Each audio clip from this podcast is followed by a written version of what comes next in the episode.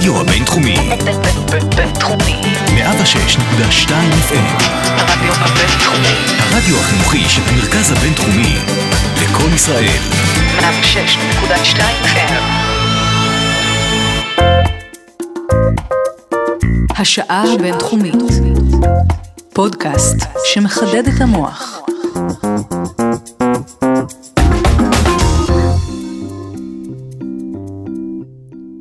לפני uh, שנתיים, בתחילת המגפה, חזר לככב בחיינו שיר הילדים שהרבה מאיתנו כבר שכחנו ממנו, תה עושה סחרחורת של להקת גזוז. תה עושה סחרחורת, ולבן עושה לי רע, ורגל תרנגולת מעוררת בבחילה.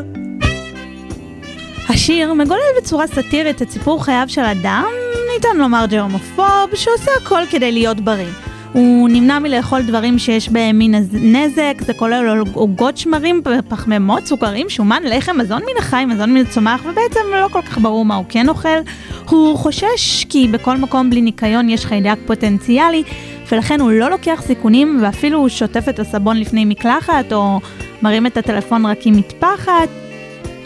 השיר הזה, שאולי הפך להמנון של 2020 לצד השיר אה, אוהב להיות בבית, עלה פעם בשיחה ביני לבין אחותי אה, לגבי ליל הסדר והשאלה אם יש להימנע ממפגש משפחתי. לא תהיה ברירה, אני אסגור את עצמי בחדר, לא אצא שנייה אחת גם לא בליל הסדר. אני זוכרת שהיא אמרה לי, את לא יודעת כמה זמן זה יימשך, ומה, כל החיים שלך ייראו ככה, גם לא תלכי לעבודה, אי אפשר לחיות ככה, אין מה לעשות, ובסוף, גם מי שהכי נזהר לפעמים חולה. הצעירה, אין לך אפילו מה לנסות. לאחרונה פותחה כאן באוניברסיטת רייכמן תיאוריית ה"אין לך אפילו מה לנסות" במחקר שנעשה תחת השם מוטיבציה לחוסר אונים. איך אתם חושבים שאותו אדם שלעולם לא יוצא מהבית מרגיש? האם אפשר לחיות ככה לאורך זמן? ואולי לוותר מראש ולהגיד את הביטוי הידוע לשמצה יהיה בסדר? זה לא רעיון רע כל כך. על כל זה וגם על איך זה קשור לתיאוריה האקסיסטנציאליסטית הקיומית, נדבר בפרק הקרוב. ואם הכל ילך יפה, פשוט תחיה לנצח. שלום לדוקטור אורי ליפשין, מרצה הקורס פסיכולוגיה אקסיסטנציאליסטית וחוקר התיאוריה מוטיבציה לחוסר אונים. אהלן. מוטיבציה לחוסר אונים. כן. נשמע אקסימורון, למה זה בעצם אפילו חשוב לנו כדי לשרוד? אוקיי, אז, אז כן, אז זה באמת אה, מוטיבציה לחוסר אונים, זה השם של, ה, של התיאוריה החדשה שפיתחנו, אה, שהיא בכוונה כזה קצת אה, אוקסימורונית, כי המודל הקלאסי של חוסר אונים זה חוסר אונים נלמד, זה למעשה הרעיון של חוסר אונים זה אחרי כישלון, שאנחנו נכשלים הרבה מאוד במשימות, אנחנו לומדים שאנחנו לא יכולים להצליח, ואז אנחנו נכנסים לאיזשהו לופ כזה של חוסר אונים ומרגישים רע. אה, והמוטיבציה לחוסר אונים זה רעיון אה, חדש אה, שסותר את זה, שבעצם אומר שחוסר אונים יכול להגן עלינו, למעשה. הרבה פעמים ב... ביום, או אולי אה, עשרות פעמים ביום, אנחנו משתמשים בחוסר אונים כדי למעשה לשחרר את עצמנו מ- מלהיות מוטרדים מכל מיני איומים. אה, וכך חוסר אונים יכול למעשה להגן על עצמנו מפני אי-ודאות, מפני חרדה, מפני אשמה ומפני איומים על הדימוי העצמי. אה, כלומר, ב- ב- הדוגמה שאני אוהב להתחיל איתה בשיעור, למשל זה, אני, כל פעם אני חושב דוגמה אחרת, אבל אה, למשל יש אה, מחנות ריכוז בסין, כן? אה, אז, אז אנחנו גם בכלל, בתור יהודים, כמובן לשמוע על מחנות ריכוז, אנחנו ישר היינו רוצים, אה, מרגישים שיש לנו איזו חובה מוסרית איפשהו לעשות משהו, אולי כן או, או שלא, אבל אם הייתי שואל אותך, אה, למשל, אם את חושבת ש, שצריך לעשות משהו, שאת יכולה לעשות משהו אה, לגבי זה באופן אישי, אני באופן אישי לא חושבת שאני יכולה לשנות את המצב אה, בקצה השני של היבשת, לא.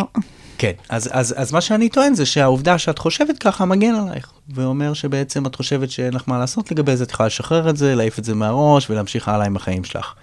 ואם לעומת זאת כן היית חושבת שאת יכולה לעשות משהו, לא יודע, יש לך uh, תוכנית רדיו, אולי כדאי שתתחילי לדבר על זה,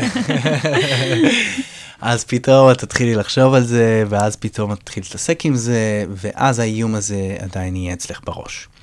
אז, אז בעצם אה, כל היום אנחנו, אנחנו מנהלים איומים באיזושהי, באיזושהי צורה, גם על ידי זה שאנחנו אומרים לעצמנו שאין לנו מה לעשות עם זה.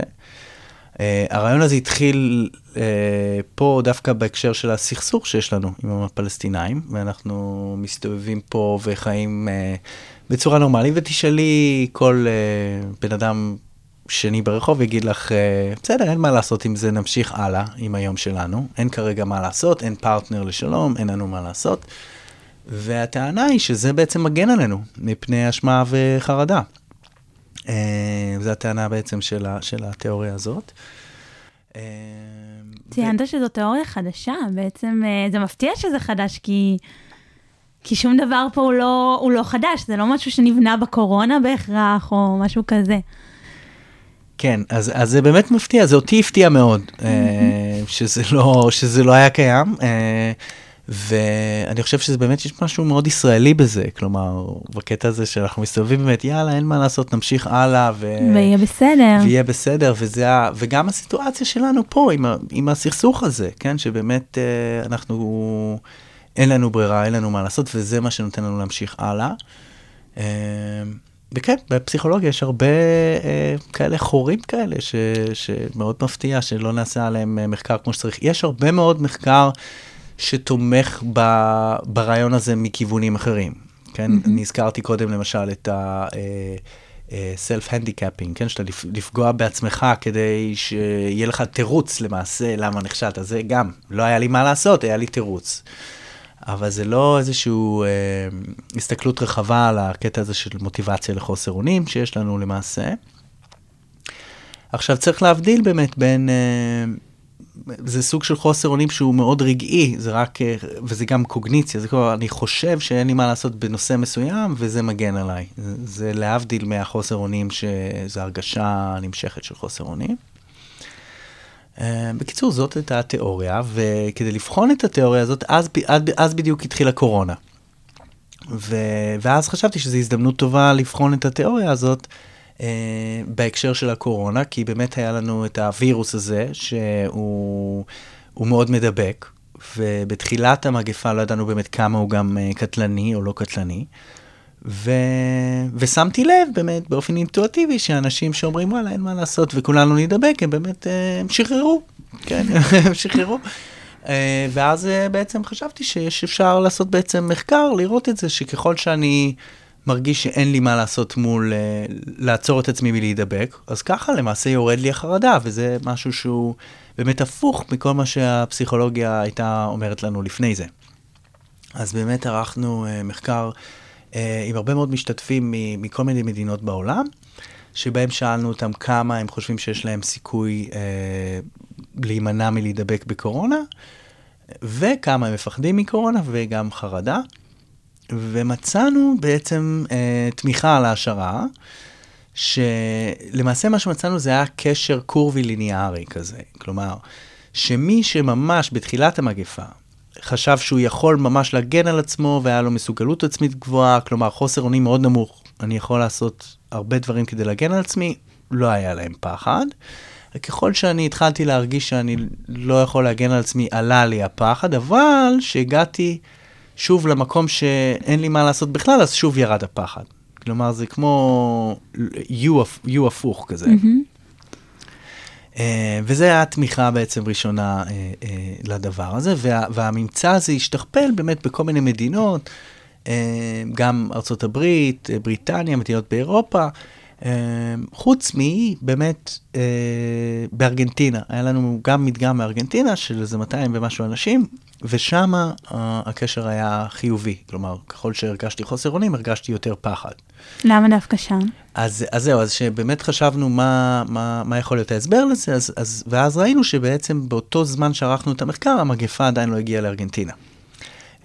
אז, אז, אז כדי לבדוק אם זה באמת היה המקרה, חמישה חודשים אחר כך הרצנו עוד מחקר עם משתתפים בארגנטינה, עם אותן שאלות, ואז למעשה כן מצאנו את, ה, את האפקט, שככל שאנשים חשבו שאין להם מה לעשות כדי להידבק, הם פחות פחדו. ויתרה מכך גם ראינו שהפעם לא היה את הקשר הקור וליניארי, כלומר זה היה ממש קשר אה, ליניארי שלילי, שמי ש... כלומר, מי שחשב שעדיין יש לו מה לעשות, כן הרגיש חרדה. עכשיו, ההס- ההסבר לזה זה בגלל ש... כמו, זה מתקשר למה ששאלת אותי קודם, כלומר, כמה זמן אתה יכול להתמודד עם האיום הזה? אם זה עניין של כמה חודשים, אז בסדר, אבל אחרי תקופה שאתה כבר מסתובב ומסתובב ומסתובב, וכל היום להתחיל להיות מודאג ממסכה ולשטוף ידיים ולהתרחק ולהתרחק, זה, זה יכול להטריף את הבן אדם. אז, אז, אז כלומר, בסופו של דבר, אז השאלה היא באמת כמה האיום הזה הוא, הוא, הוא, הוא, הוא בר ניהול, כן? אם אני אחשוב באמת על ה... שוב נחזור על המוות, כן, אם אני אחשוב על המוות וכל היום אני אחשוב על המוות ואין לי מה לעשות לגבי זה, אני, אני אטרף ברגע שאני מבין שאין לי ואני צריך להמשיך הלאה ולשחרר. אז זה מגן עליי. Uh, מצד שני, אז, אז, אז עוד פעם, זה, יש איומים שכן יש לי מה לעשות לגביהם. Um, אז, אז בקיצור, אז מצאנו uh, ש, שזה כנראה נכון, ואחר כך גם ערכנו עוד ניסוי, שזה הניסוי האחרון שאני מדבר עליו, שערכנו עוד ניסוי עם uh, משתתפים אמריקאים, שבהם עשינו, למעשה נתנו להם לקרוא קטע, שכביכול מומחה של אפידמיולוגיה, אומר להם, אין מה לעשות נגד הקורונה, כולכם הולכים להידבק בשלב אה, מוקדם או מאוחר, או שהוא אומר, כן, יש מה לעשות. אה, תשימו מסכות, תעשו את הדברים האלה. אה, ו- ואז למעשה בדקנו כמה באמת הם חושבים שיש להם מה לעשות, וכמה הם מפחדים, ואז גם כמה הם מוכנים לעשות באמת התנהגויות של שמירה על, אה, מפני הידבקות. וראינו באמת שבהתאם להשערה, בתנאי שאמרו לאנשים שאין להם מה לעשות, והם אה, מי- האמינו שבאמת אין להם מה לעשות, הם הרגישו פחות פחד, וגם היו מוכנים לעשות פחות אה, פעולות אה, שיגנו על עצמם. כלומר, אז יש trade-off, כן? בין אה, למעשה כמה שאני, איך אני מרגיש לגבי זה, וכמה אני מוכן לעשות משהו. וזה לא רק במגפות אה, בינלאומיות, בשיעורים שלך אתה נותן דוגמה גם מאוד אה, של תלמיד שהולך למבחן, שתלמיד שיודע שהוא יודע 100% מהחומר הזה, אז אין לו חרדה. תלמיד שיודע שהוא גם ככה הולך להיכשל, אז אין לו חרדה. ו- וכל שלב באמצע, אז, אה, אז החרדה עולה עולה עד שהיא יורדת ב... כי אין מה לעשות, כי יהיה בסדר, כי זה מה יש, אין. פרטנר. נכון, נכון, נכון. אז זהו, אז זה באמת תיאוריה חדשה, אז אני כל הזמן אנחנו חושבים על, על, על, דברים, אה, על דברים חדשים. אה, ועל דוגמאות חדשות, אני כל הזמן רואה איך זה בא לידי ביטוי בחיי היום-יום. וזה בא לידי ביטוי בדברים נורא נורא בסיסיים, כמו, אפילו אמרתי משהו עכשיו, טוב, כבר אמרתי את זה, אין מה לעשות. כאילו, כאילו, אה, כן, אם היינו יכולים לחזור בזמן, אז בכלל היינו משתגעים, נכון? מזל שאנחנו לא יכולים לחזור בזמן, כי זה משחרר אותנו מה, מהסוגיה הזאת. מה אפשר לשפר, מה איך אפשר, אה, כן. אז האמת שעכשיו סטודנט אה, נוסף שלי בסמינר, אלא דר, ששכחתי את שם המשפחה שלו כרגע, אבל אני אתן לו את פול קרדיט אחרי שעשה את המחקר, אבל גם דיבר על זה באמת לאחר ההחלטה, שאני חושב שאין לי מה לעשות, לא היה לי מה לעשות בדיעבד, עכשיו אני מרגיש יותר טוב עם עצמי. כי זה כמו השועל והכרם. השועל והכרם, מה? יש אה, שועל, שזה משל שועל שרואה כרם נורא נורא יפה, עם ענבים מאוד גדולים, והוא מאוד רוצה להיכנס, והוא לא מצליח, והוא לא מצליח, והוא לא מצליח. ואז הוא הולך, ושואלים אותו למה הוא הולך, אז הוא אומר, כי הענבים שם בכלל ממש מגעילים, אני לא... מי רוצה ענבים כאלה? כן, כן, כן. אז זה, השועל והכרם זה דיסוננס, אוקיי? דיסוננס זה התיאוריה אולי הגדולה שמאחורי זה, כלומר, שבאמת אני צריך ליישב שתי קוגניציות סותרות, ככה שלא יהיה לי את הסתירה הזאת, ובעצם הם יתיישבו אחת עם השנייה, כלומר, אני משנה את ה... את ה... מה שחשבתי. אה, הענבים לא היו טעימים בכלל, אז, אז אין לי סתירה בין זה שרציתי להיכנס ולא נכנסתי, כן? אה, אז במקרה של helplessness, אם אין לי מה לעשות, זה מסביר למה יש לי סתירה בהתנהגות. כלומר, זה הסבר חיצוני להתנהגות, שבעצם מבטל דיסוננס אה, קוגניטיבי. זה נותן לי איזושהי ודאות לגבי למה לא עשיתי משהו, כן? אה, אם נחזור למחקר, אה, אמרת שבדקת אנשים אה, ממדינות שונות, יש הבדל גם תרבותי אה, בין אה, תרבויות שחיות בזה ש... שאין מה לעשות ואין פרטנר לתרבויות אחרות גם ב... איך זה מחלחל לקורונה? אה, אני לא יודע, זו שאלה חדשה, זה באמת, אנחנו, אה, זה תיאוריה, זה נורא מפתיע, אבל זה חדש, כי זה כל כך אינטואיטיבי, אה, במיוחד בשבילנו ישראלים, כאילו, מה, אין מה לעשות, תשחרר אחי, כאילו, זה, זה, זה משהו מאוד בסיסי, אבל כמעט ואין אין איזה מחקר בפסיכולוגיה כמעט, אז עכשיו לבדוק האם הדבר הזה מתגבר אחרי איום? האם הדבר הזה, במה זה בא לידי ביטוי? איך אני מבטל את זה? איך אני משנה את זה? אנחנו רוצים לבטל את זה? לפעמים, למשל, אם אוקיי. את כן רוצה לגרום לאנשים לעשות משהו. אוקיי, נ- נגיד, בוא נאמר שאני רוצה שיהיה שלום. אוקיי, ואני רוצה, ואני מבין שאנשים מסתובבים פה עם התחושה שאין מה לעשות לגבי תהליך השלום כדי להגן על עצמם מבחינה פסיכולוגית, אבל אני רוצה שהם יעשו משהו. אוקיי? אז מה אני עושה, אוקיי? אז אם לפי התיאוריה הזאת, למשל, כל, ה... כל המטרה, כל המוטיבציה ל... לעשות את זה, זה להימנע מחרדה, אז אולי יש לי דרכים אחרות לגרום לאנשים להיות יותר מוגנים מחרדה. ואז אם אני, שאת זה אני לוקח מתיאוריית ניהול האימה שדיברתי עליה, אז כן, אז אם אני למשל מעלה לאנשים את הדימוי העצמי, או נותן להם לחשוב על יחסים קרובים, או איכשהו מחזק את האמונות שלהם, נותן להם להרגיש ביטחון פסיכולוגי בדרך אחרת, אולי הם לא יצטרכו להשתמש בחוסר אונים כדי להגן על עצמם. ואז תהיה פעולה אה, כדי ואז לשפר תהיה לטובה פעולה את כדי ה... לש... את המצב, שיש מה לעשות, כן? ועוד פעם, את יכולה לחשוב על זה מבחינת מבחן, ללכת למבחן או לא ללכת, כן? זה, זה בא לידי ביטוי בדברים קטנים, קטנים וגדולים. משהו מאוד מאוד אה, בסיסי וחשוב. וגם, אה, אני חושב שיש גם חשיבות לקשר את זה לפסיכופתולוגיה באיזשהו מובן, כלומר, כן לקשר את זה לחוסר אונים הנלמד הזה, שבסופו של דבר, אולי גם שם, חוסר האונים הזה שמאפיין דיכאון, נועד בעצם באיזשהו מקום להגן מפני חרדה. אתה יכול להרחיב על זה? מה זאת אומרת? כלומר, אם אני עכשיו מדוכא בבית, ואין לי מה לעשות, אני לא יכול לקום מהמיטה, אני לא יכול לצאת לבר וליהנות עם חברים ולפגוש אה, בחורות, ושיהיה לי טוב בחיים ושה, ושהעולם יחייך עליי, כי אין לי מה לעשות. כי אני לא יכול. כי אני לא יכול לקום. זה לא ש... אם הייתי יכול לקום והייתי בוחר לא לעשות את זה, אז הייתי יוצא טמבל, נכון? אז כאילו, מה. מה, אני מפגר? כאילו, אני יכול ללכת, לצאת, ליהנות ואני בוחר לא לעשות את זה? לא, אני לא יכול. אז זה שאני אומר אני לא יכול, זה מגן עליי. מגן, אם הייתי חושב, וואו, אני, אני, בטח שאני יכול, ואני יכול לצאת וזה, ואני לא עושה את זה, הייתי מרגיש חרדה, הייתי מרגיש אשמה, הייתי מרגיש לא בסדר עם כמו עצמי. שהיום נקרא פומו, שכולם... אה, תופעת הפומו. כן, התופעה הזאת בהחלט גם, אה, גם קשורה, כן, נכון, לחשוב שאני, עכשיו הכל קורה ואני, ואני צריך ואני צריך ואני צריך, אז אולי כדי, כן, איפשהו לבטל, ת, תשמע, אתה בן אדם אחד, אתה חי בממד אחד, אתה לא יכול להיות עכשיו בכל המקומות, בכל...